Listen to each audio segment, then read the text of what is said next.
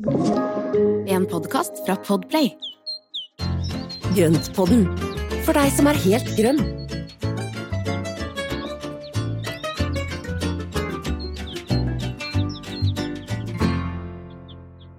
Hei og velkommen til Grønnpodden med Espen Skarphagen og med meg, Marianne Hed Jonsgaard.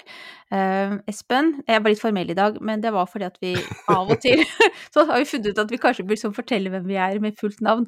Uh, så da tenker jeg at du kan jo følge opp med bare si, hvis det er noen nylyttere da, fortelle litt hva podden handler om.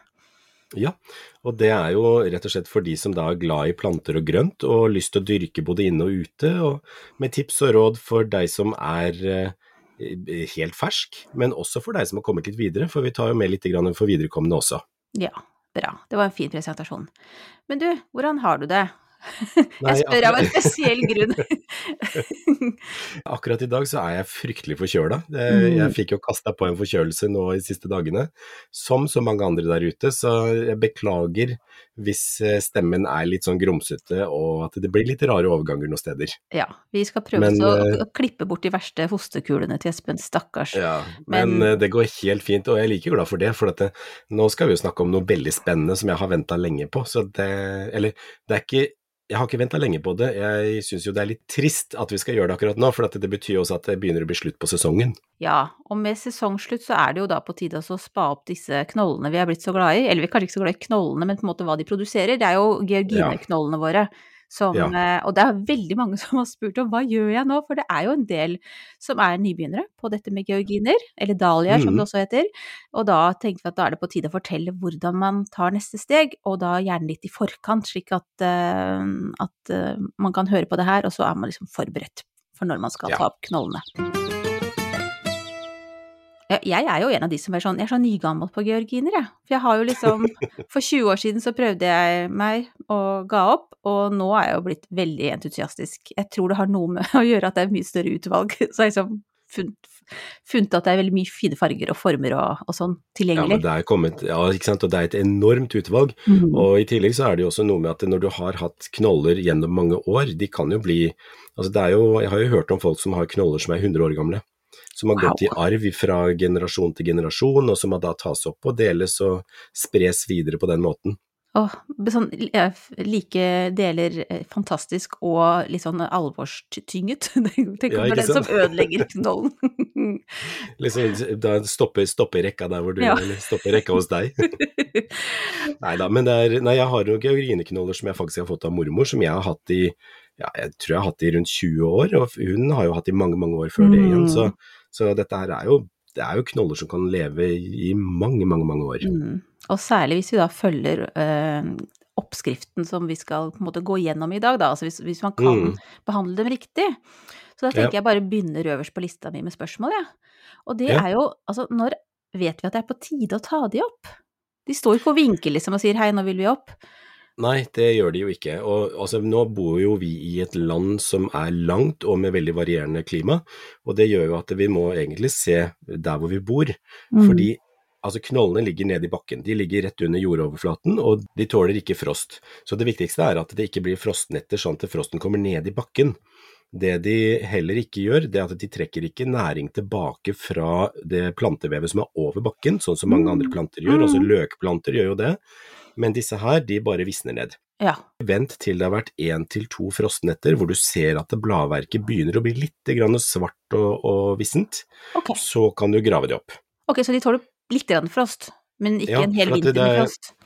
Nei, nei, nei. Så de, egentlig så får de frost over bakken, og den der, de første frostnettene de går jo ikke ned i bakken. Mm. Så jeg har jo faktisk eh, glemt meg ett år, og da var det jo litt mye frost. Og da var det jo et par centimeter med frost på øverste jordlaget.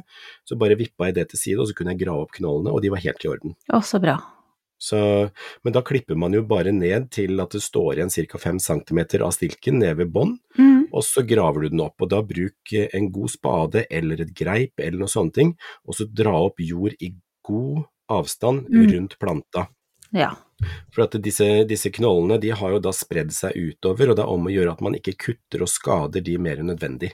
Mm. Så det å ta de da, eh, altså jekke opp jorda i god avstand rundt, og så dra opp disse knollene og så riste forsiktig løs jorda. Mm. Er det på et tidspunkt for sent å ta de opp? Altså, hvis, hvis, man er, hvis det har vært skikkelig frost Ja, eh, hvis tæla, da hvis bare har liksom Ja. har tæ- har tælan satt seg, så er det ikke noe håp. Da, da går det ikke. Nei, ikke sant. Så det er rett og slett bare så lenge, de, så lenge ikke det har gått frost ned i bakken, sånn at den har kommet borti røttene, så Mm. er det helt i orden. Da er røttene helt fine under bakken. I land der man ikke har frost, kan man da ha, Har man knollene i jorda om vinteren, eller tar man Ja, ja, ja. ja. Ja, Nei, da kan du bare la de stå. Ja, Og da kan du bare, hvis du har noe frost, altså som eh, ja, nedover da i, i Skåne, der hvor dere bor, og København og sånne ting, eller da, store deler av Danmark hvor det ikke er frost i bakken, mm. så tenker jeg at der vil man egentlig kunne bare dekke til godt med, med et lag med løv, og så vil de knollene kunne klare seg år etter år.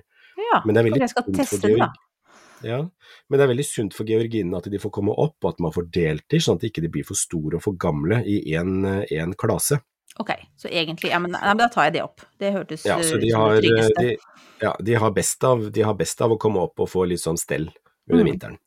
Nå har jo du egentlig fortalt hvordan vi tar de opp, ikke sant? Du Mm. bruker altså da en du, du graver opp i ganske sånn stor radius rundt knollene, da, for ikke å skade Mm. dem. Ja, Eh, du bruker ikke hendene. jo-. Eller skal man Jeg liksom bruker hendene når jeg har løst, løst, ja, når jeg har løst opp jorda og sånne ting. Mhm. Så bruker jeg hendene litt, grann, for da, jeg har jo også kutta for nært og bare choppa av disse her fine, feite knollene, og da blir man jo veldig lei seg. Det Ja. det er ikke gøy i det hele tatt. Så jeg bruker også hendene når da jeg har fått løsna opp jorda, så tar du tak i stilken og så drar du lirker forsiktig opp, sånn at du får opp eh, selve, selve rota, eller hele knollen. Mm. Det er de egentlig ganske greit. Ja. Er de eh, Altså, er de sårbare, eller tåler de en trøkk? Nei, men de tåler ganske mye, og de er eh, Altså, det kommer litt an på typen også, for at noen har en mye mer kompakt vekstform i knollen, andre har mer lange, spisse knoller som ligger lengre utover. Så Mm. det er litt varierende i forhold til hvilken sort du har. Ja, Så det, jeg tenker at det, det blir du litt mer kjent med. Noen har veldig sånne runde, nesten potetforma knoller, Mm. mens andre har da spisse sånne gulrotlignende som bare ligger utover i alle Ja. retninger. Bli kjent med knollen din. Ja. Ja, ikke sant. Ja. det er det man må gjøre. Og nå har jeg da egentlig ikke oversikt over hvor mange knoller jeg har satt i jorda. Nei. Er det noe sånn um, Det bør man kanskje ha. Har du noen sånne tips? Skriver du opp noe Eh? Jeg graver opp det som er, men det som er at alle knollene, de, altså de der rotknollene som da går ut fra én plante, de henger sammen i stilkfestet. Og det betyr Ja. at når du har tak i stilken, og det gjør, ser du når du klipper den ned, så ser du at det er en liten gruppe med stilker, og der fester alle knollene seg. Så at du, alt som er av knoller, det er festet til den stilken. Akkurat. Så på den måten så er du sikker på, hvis du da Mm. finner ut hvor planta står, klipper den ned, og så jekker du opp jorda rundt, og så vet du at da får du, da får du med det som hører til denne planta. Mm. Men det som er lurt å gjøre nå, det er jo da før, altså før frosten kommer, da er det veldig vanskelig å se forskjell på de. Merk plantene der hvor de står, sånn at du vet hva som står hvor. Ja. det jeg det var snakker av erfaring, for jeg vet ikke hva jeg har satt hvor. Nå står det sånn hulter til bulter, og, det står, og de har vokst i hverandre. og Finn en blomst, Mm. let deg ned til basen og sett ned en liten merkelapp med et navn på. Veldig godt tips. Det har jeg ikke tenkt på engang at skulle være noe problem. Tusen takk. For Det, det- ja. den var fin. Nei, for når, når frosten kommer, så ser alt sammen litt sånn svart og blaskete ut, og da er det Mm. umulig å se for, forskjell på Mm. de. Mm. Og I tillegg så forandrer også blomstene litt farge når det blir kjøligere, og at de da får det siste utvikla blomstene, de kan få en helt annen farve enn det de ellers får i sesongen. Mm. Ja, akkurat det der er litt spennende. Men da er det jo veldig fint, eh, det er et godt utgangspunkt da, for å ha litt kontroll over knollene. Men, men du skal jo ta dem opp, og du skal sortere dem. Altså, jeg bare kjenner at for meg, jeg er ikke så ja, jeg kjenner at jeg kan bli litt sånn forvirra underveis. Så har du noen Ja. tips? Hvordan skal jeg klare å ikke blande dem? Jeg ville ha tatt opp én sort om gangen, og så har du da planta én sort forskjellige steder. Ta opp den ene sorten, og så putter du den i en, eh, enten i en kasse eller i en balje eller hva du har. For at det hender jo også at når du graver opp, at det løsner knoll med litt stilk, eller at det da, det, de detter litt fra hverandre. Og hvis du holder på med én sort av gangen, altså dette gjelder jo da hvis du har flere sorter, så hvis du holder på med én sort av gangen, så er det veldig mye enklere å holde styr på det. Mm. Ja. Og eh, ikke gjør som meg i fjor og bruke da tusj som ikke var vannfast. For at det da gjennom all pakking og styring og sånn som jeg gjorde, så var jo all, alle navnene var smørt utover, så jeg så jo ikke hva som var hva.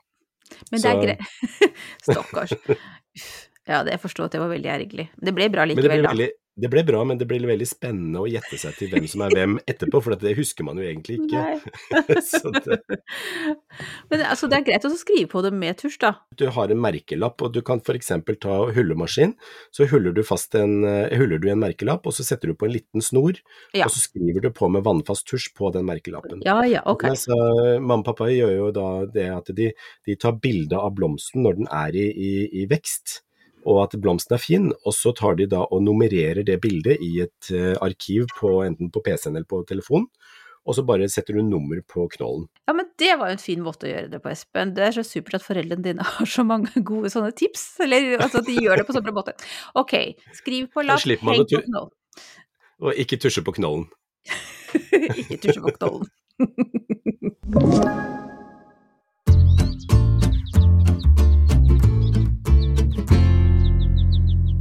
Ja, så nå har vi da altså Vi har spadd de opp, og vi har lagt Altså sortert de, på en måte. Eh, mm. Eller altså Vi har merka dem.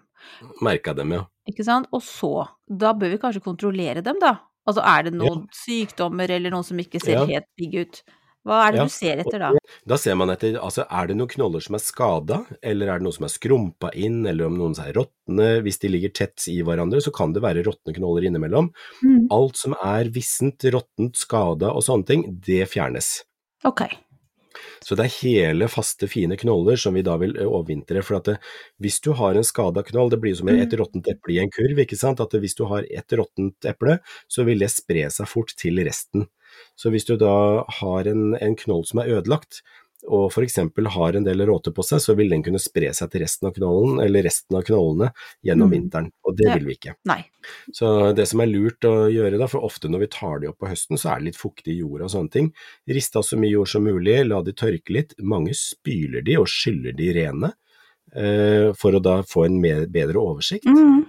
Og så klipper man bort det som er stygt og sånn, og lar de tørke litt før man tar neste steg og, og, og pakker de. Ja. Så fjerne det som er stygt og ødelagt, og, og hvis du har vært uheldig med spaden og kutta av en knoll, så er det viktig at sårflaten får lov å tørke skikkelig før du pakker den ned. Ja. For da, da ja. den seg litt, Mm, og så ikke blir den litt eh, Så ikke den er utsatt for sopp og råte på, Mm. i sårflatene. Er det noen ganger sånn at du, hvis knoll, hvis du har veldig mange knoller, og det er noen av de som er liksom juicy og svære, og så er det noen som, Mm. de er ikke skadet eller ødelagt, sånn, men de er bare litt mer sånn puslete.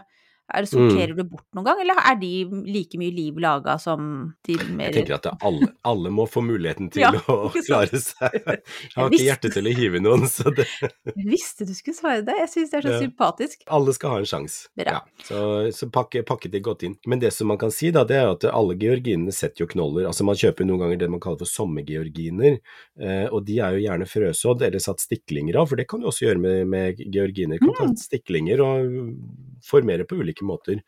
Men det som er med de årsgeorginene, eller de frøsådde, er at de har ofte ikke rukket å danne noen ordentlige knoller ennå.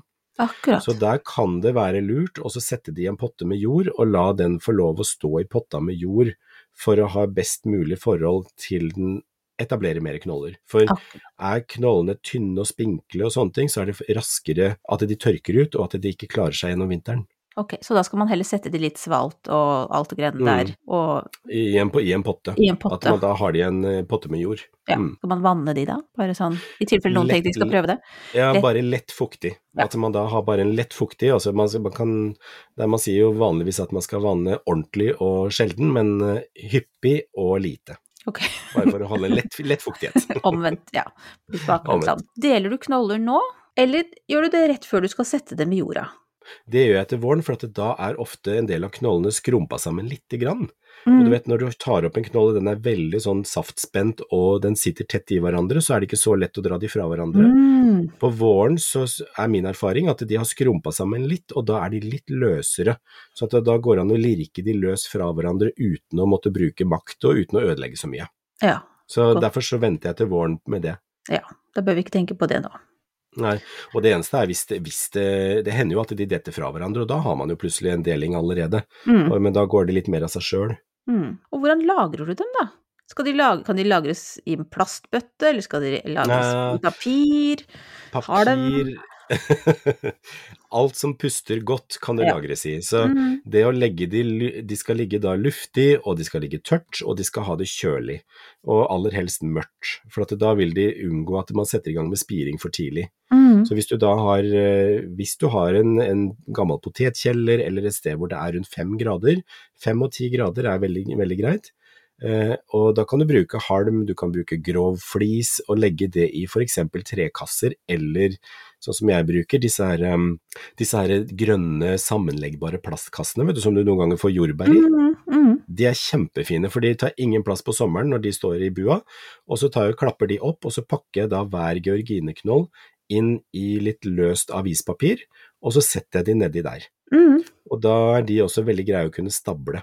For at da kan jeg da stable opp de kassene, og så står de knollene veldig trygt og fint. Og da har de løst papir rundt seg som det gjør at du får en fin lufting uten at du får en helt uttørking av knollen. Ja, ikke sant. For at det er noe med å ha Mhm. en viss luftfuktighet rundt knollene, så ikke de blir liksom helt drenert for all fuktigheten. Mhm.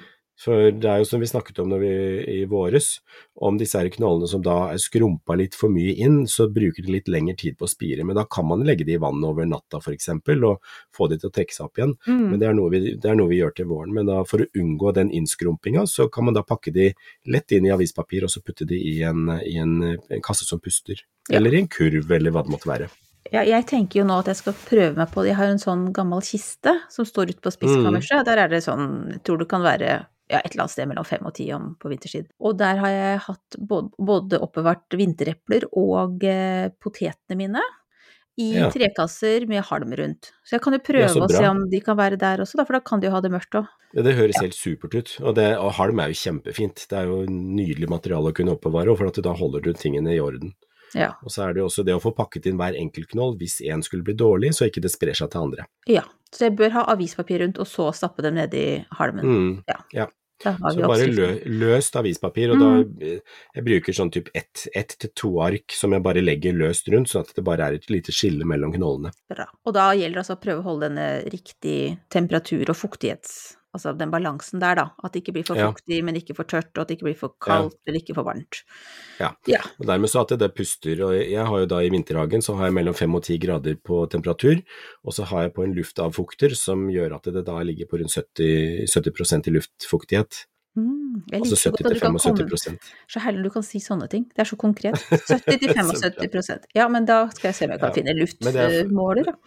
Ja, men det, det er også fordi da, da vet jeg at kameliaene mine funker ganske greit, og Ja, en del av plantene uten at det begynner å mugne. ja, ikke sant. Men du, Så er det jo også å teste litt sånn. undersøker de du liksom underveis i lagringsperioden? Eller lar du de Jeg, bare jeg være gjør det. Nei, jeg gjør faktisk det, for jeg syns det er veldig gøy å se at tingene funker, og, Mm. og da kan man også luke ut hvis det er noe problem. Så jeg pleier å ta en sånn sjekk på det ute i januar, og Ja. så se at alt er i orden og, og sånn. Og så når da, når vi kommer til slutten av februar, begynnelsen av mars, da er det å plukke de fram igjen, og så begynner eh, det store eventyret igjen. Ja, og det var mitt neste spørsmål. Forbereder du dem på en ny sesong på noe som helst måte? Gjør du Nei. noe Nei. Det er bare rett er altså fra så- kassa og ja. ut i jorda. Ikke ut i Ja. jorda, men ned i jorda. Ja. Jo, ja, for den kan, ja. Nei, for den kan jo enten da, og da deler man den, og så kan man eventuelt legge den i vann over natta for å få liksom fort, fortgang i Mhm. den, og så er det bare plantene i jorda. Og det som er sånn finurlig med denne naturen, er at det, når da våren kommer, så er det, så det, de står jo stille hele veien, og plutselig, sånn typ, ja, begynnelsen av mars, eh, slutten av eh, februar, så, er det, så begynner disse skuddene å komme. Mm. Og så begynner den å sette disse små skuddene akkurat i feste mellom stilk og knoll. Og det er altså det er helt Fantastisk. magisk. Da Det våkner er til liv igjen. dataprogram. Ja, det er helt utrolig. Ja, det er flott. Så bra. Um, jeg tror jeg, vet, jeg kommer ikke på at jeg lurer på noe mer om det her nå, Espen. Uh, Nei, Men det er, det er veldig bra. Og hvis det er noen som sitter med noen spørsmål om dette, så send oss melding i sosiale mediekanalene våre. Gjør det. Mm. Og så skal jeg, eh, jeg skal prøve å lage en video om å ta opp georginer når vi skal begynne å plukke opp georginene her. Så bra. Da, da trudelutter vi oss videre til, eh, til eh, våre faste spalter, da, Espen. Ja, det gjør vi.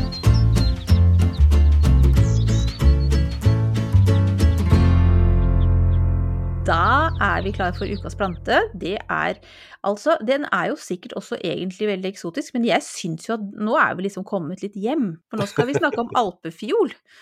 Ja, og det er ikke den der vanlige alpefjolen jeg tenker på da, for at nå har jeg lyst til å ta fram Nå, vi var nesten hjemme på hjemmebane, men eh, så klart. Ja. Vi, ja. Nei, den der foredla valpefiolen vi kjøper i butikken nå, den er jo superfin, og den klarer seg jo også godt eh, delvis ute i lang tid framover. Men jeg har så lyst til å ta fram den som eh, man da kjøper som disse knollene. Mm, ja. I, I butikkene nå så er det ofte å få kjøpt sånne brune knoller som ser litt sånn stusslige ut og sånne Ja. ting. Nei, cyklamen hederifolium, og du vet hedera er jo Hedra helix er eføy. Mm. Og det er, betyr at det bladene på cyklamen hederifolium, det betyr at det hedere, hedra er jo da eføyplanta, og subfolium det ligner, bladene ligner på eføy. Så bladene Mm. på, på denne cyklamen ligner på eføy når bladene kommer etter blomstringa. Men det er ikke noe sånn blanding av dem. Det er, det er en ren Nei. cyklamen. Det er en ren syklamen. og da får vi kjøpt disse her brune knollene, og de, det sies jo det at de kan du bare legge på en skål og dusje med vann, og så kommer det kjempesøte blomster i toppen på den. Mm. Men det er jo en veldig dårlig måte å behandle de på. Jeg synes det er altfor dårlig gjort, for at da tapper du den knollen for energi, og så har den ingen mulighet til å kunne leve videre. Mm. Så det som du kan gjøre istedenfor, det er å plante den halvveis ned i eh, veldrenert jord. Eh, De store knollene har jeg dårlig erfaring med at det klarer vinteren, så den eh, må jo da inn og så overvintres kjølig. Men hvis du planter den halvveis ned i jord, og begynner å vanne på den, så vil da den sette røtter ned i jorda, og så vil den kunne leve i mange år. Jeg Mm. har eh, flere stykker som, eller to har jeg nå som da har levd i mange år, og de kommer igjen og trofast år etter år etter år etter år med blomster på Mm. denne tiden her, Mm. og så kommer det blader utover vinteren, og da står de kjølig. Og da bygger de opp da knollen videre for en ny blomstring neste år igjen. Ja. Supersøte, bitte små blomster, og den er altså så, ja den er så, den er så fin den. Og her vet jeg at du har bilder, for jeg tenker at Ja. det, er jo, det er jo her, det er bare hos deg jeg har sett den. Det er jeg ser sånn for meg bildene. Ja. Jeg har aldri jo prøvd bra, det. Jeg liksom tenker at det er litt for avansert, men, eh, Nei, men det er, ikke så, det er ikke avansert, og det som er at det er veldig mange legger den på skåla, og så får den da noen få blomster, og så er det gjort, liksom. Mm. Eh, Og så gir man den opp, og så kaster man den. Ja. Men hvis du da steller pent med den, så har du den i mange år, og den er enkel å stelle. Så bra. Syklamen hedrifolium. Takk. Videre til ukens spørsmål. Og da er det Det er, er flere som har spurt om det her. ehm, Så ingen nevnt og ingen glemt. Men overvintring av fuksia? Ja, og det er jo litt av det samme som med pelargoner og sånne ting, og det skal vi komme tilbake til litt mer utdypende senere. Men første steg er at du fuksiaen så kan man dra av en del av bladene, fjerne alle knoppene, fjerne alle blomstene som er på, og så klippe den litt tilbake, slik at ikke det er så mye bladmasse. Mm. Og så ta den inn, sette den da lyst og kjølig. Okay. og gjerne fem til ti grader, og vanne bitte litt en gang iblant, sånn at den holder seg lett fuktig. Ikke, den skal ikke være våt, den skal ikke være helt tørr. Og har du det kaldt nok, så kan den også stå mørkt. Det vet jeg, min mormor hadde den i en vaskekjeller uten vinduer. Gikk også veldig fint, altså. Mm. Ja. Og da får den dette, disse vannskuddene som vi har snakket om før, som Mhm. da må klippes tilbake. Ja. Men eh, en lys, kjølig overvintring, lett fuktig, men klipp av en del av blad, bladverk og blomster, og fjern alt det før du tar den inn. Eh, man er frista til å liksom la det være igjen knopper og blomster, men det vil ramle av, og så vil det bli muggent og dårlig etter hvert. Det, er, det er litt dumt for, for planta å gjøre det. Du bør heller være Ja, også, litt sånn eh, tøff Ja, og brutal. jobb, ja, og så blir det mer jobb for deg sjæl, for at du må rydde og fjerne all det der mugne Mm. greiene etterpå. Ja. Og det er ikke noe gøy. Ta det først, og så gi heller plantene en litt sånn renere overvintring. Mm. Bra. Takk. Nå skal jeg egentlig spørre deg om hva du gjør nå. Jeg tenker at Nå håper jeg du liksom at etter at du er ferdig med det her, at du legger deg rett ut på sofaen, men eh, sånn generelt, Ja, da. Hva, hva ønsker kan du å gjøre nå, Espen? Ja, nei, det planen er Altså, jeg, jeg regner med at jeg blir bra til helga, så da tenker jeg at da skal jeg begynne å, å gjøre litt. Men det jeg har tenkt å gjøre nå, det er å begynne å gjøre klart for innvintring av, av disse plantene mine. Så jeg har jo fylt opp hagen og terrassen med krukker og ting som må inn og overvintres frostfritt. Mm. som denne fuksiaen. Og eh, da må jeg rydde ferdig vinterhagen, sånn at det er mulig å få stabla det tett der inne. Og da skal det klippes, og det skal sjaues og ordnes og fikses. Så det, det er litt trist, men samtidig så er det litt hyggelig også, for da kan man jo se på alle plantene som eh, har utvikla seg gjennom sommeren. Da. Mm. Så, men du da? Ja, nei, hva Jo, altså, jeg, altså nå, Akkurat nå kom jeg ut for besøk, så nå kommer jeg sikkert ikke til å gjøre så mye i hagen. Men jeg tok en runde i dag morges, og så klippet jeg masse um, hortensiaer. Oi, Eh, for ja. har de er så lange stilker, så nå tenkte jeg nå går jeg full, full on inn for uh, å tørke dem. Så mm. uh, jeg har så lyst til å tørke dem og lage en krans. Kan man lage krans av dem? Ja, det er kjempefint. Ja. Det er eh, enten om du lager det i krans når de er friske, sånn som nå, Ja. og så tørker du For at nå er jo celleveggene sterke og gode, så de Mhm. vil jo tørke i den posisjonen de blir satt i. Og da hvis du binder kransen nå, så vil den eh, tørke, og så blir den akkurat likedan. Og hvis du syns den blir kjedelig i fargen, så kan du spraylakkere den i gull, bronse eller noe sånt. Ja, jeg prøver uten. Men kan, da kan jeg hvis jeg prøver først å se hvordan den blir, da. Jeg bør ikke spraye nå, Mm. liksom. Nei. Nei, nei, nei. Bruk bare de friske. Ja, det er lurt å binde nå, for det er mye lettere å binde når den er fersk enn når den er tørr. Ja. Og da skal jeg binde rundt en sånn kransebunn. Ja, Enten en sånn kranseunderlag, men, men det som er at det, eh, hortensiaen er såpass stor i hodene, og den fyller så mye, mm. at du kan like gjerne bruke en enkel ståltråd. Så hvis du Mm, har ja. en ståltråd, og så bare former du den i en ring, og så kan du egentlig binde på den. Du kan også bruke en, en metallkleshenger, du vet det er disse Mm. Hvis du bare brekker ut den og bøyer den rundt til å bli en ring, så har du opphenget og alt sammen klart. Så binder hun på den. Ja, det var smart. Og da skal bare masse, masse frodig rundt. Kan man ha det her på Er det blir en julekrans? Nei, det blir kanskje ikke det. Høstkrans. Nei, høst, høstkrans. Ja. Kjempefint med høstkranser, og det er mye gøy man kan lage krans av nå, altså. Mm. Kan du stikke inn litt blomster innimellom hvis du har lyst til å ha på det. Mm. Eventuelt nyper. Altså, Ja, nypene er jo kjempefine, Ja. og, og det er jo en del altså frukt og bær, kastanjer, hvis du har det i nærheten, at du kan da stikke på kastanjer på ståltråd, og så bare stikke det innimellom. Mm. Kjempedekorativt. Mm. Ja, så bra. Da, er jeg, da vet jeg hva jeg skal gjøre. Så bra. Tusen takk for tips. I like måte. Ja, men da er vi ferdig med ukas faste også, da. Nå er det Ja. vel snart sånn at vi skal si ha det bra, men først så skal vi fortelle hva vi skal foreta oss i neste episode. Ja, Espen, før vi runder av. Neste episode så blir det rett og slett en spørrepod. Ja, Ja. og det er så gøy, for vi har fått så mye spørsmål. Mhm. Og det er, det er jo veldig morsomt at folk er så engasjert, så det, det gleder vi oss veldig til, altså. Ja, veldig mye morsomme spørsmål. Det er masse som jeg har lurt på, og så er det ting jeg ikke har lurt på som jeg tenker ja, men det var jo veldig gøy å få lære noe om. Så det her blir bra. Så bra. Men det er jo noe med det at hvis det er noen som spør om noe, så er det nesten helt sikkert at det andre også lurer på det. Mm. Og det, det gjør det jo veldig gøyalt å kunne, kunne svare på også, for at det er jo noe som antageligvis treffer flere. Absolutt. Nei, så det blir bra. Men da, fram til det, så sier vi ha det bra, og så, så snakkes vi om en uke. Ja, tusen takk for i dag. Mm, ha det bra. Ha det.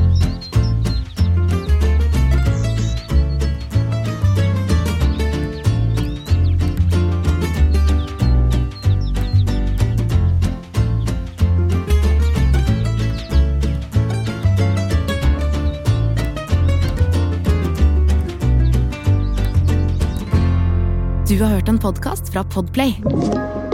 En enklere måte å høre podkast på. Last ned appen Podplay, eller se podplay.no.